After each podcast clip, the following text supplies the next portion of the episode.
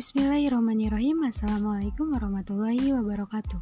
Alhamdulillah pada kesempatan kali ini saya dapat berbagi informasi terkait tentang karir. Sebelumnya perkenalkan nama saya Rizka Febrianti Nurfitriani dari jurusan Bimbingan Konseling Islam semester 6 di UN Sunan Gunung Jati Bandung. Sebelum melangkah lebih jauh dan sebelum masuk ke materi Teman-teman gimana kabarnya? Semoga selalu dalam keadaan sehat walafiat dan semoga di bulan puasa ini penuh dengan berkah dan rahmat dari Allah Subhanahu wa taala. Nah, teman-teman, di sini saya mengambil judul tentang kemampuan berkomunikasi yang baik yang diambil dari buku Sukses Menjalin Relasi yang diterbitkan oleh Teguh Suntanto. Langsung saja, apa sih pengertian dari komunikasi? Komunikasi adalah sebuah pertukaran pesan verbal maupun non-verbal antara si pengirim pesan dengan penerima pesan untuk mengubah suatu tingkah laku. Kemampuan untuk sukses dalam menjalin suatu relasi adalah kemampuan berkomunikasi. Dalam mengembangkan kemampuan berkomunikasi sangatlah penting. Kenapa? Karena dengan cara kemampuan berkomunikasi yang baik bisa membentuk saling pengertian, menemukan persahabatan, dan memelihara hubungan baik dengan siapa pun. Apa aja sih yang diperlukan dan dipelajari dalam mengembangkan komunikasi yang baik dengan orang lain? Yuk kita simak bareng-bareng. Yang pertama adalah perencanaan dan pilihlah kata-kata yang akan diucapkan. Nah, sebelum berbicara, pastinya kita akan terlebih dahulu sebelum menyampaikan suatu kata-kata yang akan diucapkan kepada orang lain. Ketika kita menyampaikan sesuatu, makna kita harus mengetahui tujuan yang jelas dan penyampaian yang akan kita sampaikan kepada orang tersebut. Mengapa saat kita berkomunikasi atau berbicara perlu adanya strategi? Karena strategi adalah berbicara dengan orang lain untuk menyusun suatu gambaran terlebih dahulu di dalam pikiran sebelum berbicara terjadi. Bahasa yang baik dan tepat dapat membantu dan memperjelas meningkatkan suatu kualitas yang kalian sampaikan. Yang kedua adalah menyampaikan informasi yang benar. Dalam kehidupan sehari-hari telah banyak kita temui orang-orang yang gemar dalam menyampaikan suatu informasi yang belum jelas kebenarannya. Begitu pula ketika orang lain mendapatkan suatu cerita atau berita, mereka tidak mau menyampaikan sumber kebenarannya. Informasi sebaiknya disampaikan secara ringkas dan secara padat. Jangan menyampaikan suatu informasi dengan cara bertele-tele tetapi tidak membawakan hasil sedikit pun. Dalam berkomunikasi, kita harus berusaha untuk selalu berkata dengan jujur. Ketika kita jujur, kita akan menjadi orang yang paling enak diajak berbicara bersama orang lain. Yang selanjutnya itu adalah memilih topik pembicaraan sesuai dengan tempat dan situasi. Saat berbicara atau saat kita ngobrol bersama orang lain, kita tidak lepas dari adanya suatu topik pembicaraan. Jika diartikan, topik itu adalah inti utama yang sedang dibicarakan atau perbincangan. Bagaimana memilih topik yang tepat?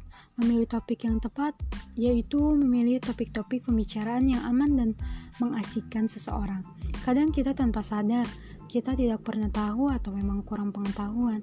Kadang kebanyakan kita salah meningkatkan topik pembicaraan dengan orang lain atau kelompok, yaitu dengan mengangkat topik yang menjadi titik lemah seseorang. Contohnya, ketika kita berbicara tentang keburukan-keburukan orang, tanpa kita sadari bahwa pembicaraan itu adalah kurang tepat dan salah untuk dijadikan topik pembicaraan bersama orang lain. Selanjutnya yaitu cermat menangkap pesan yang disampaikan. Seperti yang sudah dibahas sebelumnya, proses komunikasi adalah proses memberi dan menerima informasi. Artinya dalam sebuah perbincangan dengan orang lain kita dapat melakukan aktivitas untuk menyampaikan suatu informasi dan menerima informasi. Salah satu aspek kemampuan dalam menerima informasi dalam berkomunikasi adalah sebuah kegiatan menyimak. Nah, mendengar adalah untuk menangkap suatu lewat telinga dan si pendengar saat baru saja tidak memahami apa yang didengarnya. Menyimak itu sangatlah penting ketika orang lain sedang berbicara. Yang selanjutnya adalah memberikan jeda berbicara dan mendengar. Seni komunikasi bukan hanya terpusat pada kemampuan berbicara saja, akan tetapi juga memerlukan kemampuan untuk mendengarkan dengan baik ketika ada orang lain sedang berbicara. Komunikasi itu sendiri pun memerlukan hubungan timbal balik. Jeda memberikan kesempatan pada kita untuk menentukan kapan waktu yang tepat bagi kita menawarkan dukungan dan dorongan kepada orang lain. Selanjutnya adalah proses atau meningkatkan komunikasi dengan orang lain. Kita sebagai makhluk sosial membutuhkan orang lain dan berhubungan dengan orang lain. Tujuan utamanya yaitu antar manusia adalah agar terciptakan suatu kehubung, ke, maaf, kehidupan yang harmonis yaitu masing-masing orang sedang bekerja sama dengan menyesuaikan diri terhadap satu dengan yang lainnya. Keberhasilan dalam berkomunikasi dengan orang lain akan sangat menentukan masa depan Anda atau masa depan kita keberhasilan dalam bisnis, terus juga karir, terus juga promosi dan lain-lain yang mencakup kepada sosial. Yang terakhir adalah menghargai pendapat yang berbeda. Jangan pernah melihat siapa yang mengatakan, tetapi lihatlah apa yang dikatakan. Kebanyakan orang selalu cenderung menolak dan tidak mendengarkan orang lain karena Menerima sebuah pendapat dan gagasan orang lain tidak memaksakan kehendak juga merupakan sebuah cerminan kedewasaan seseorang. Pada dasarnya pendapat atau gagasan jarang dapat menyelesaikan suatu permasalahan dan membuat lawan berbicara. Kita hanya dapat mempertahankan diri bahkan membuatnya menjadi menyerang kepada diri kita pribadi. Jadi hargailah perbedaan dan janganlah memperbanyak untuk berdebat. Mungkin hanya itu saja yang dapat saya sampaikan. Kurang lebihnya mohon dimaafkan.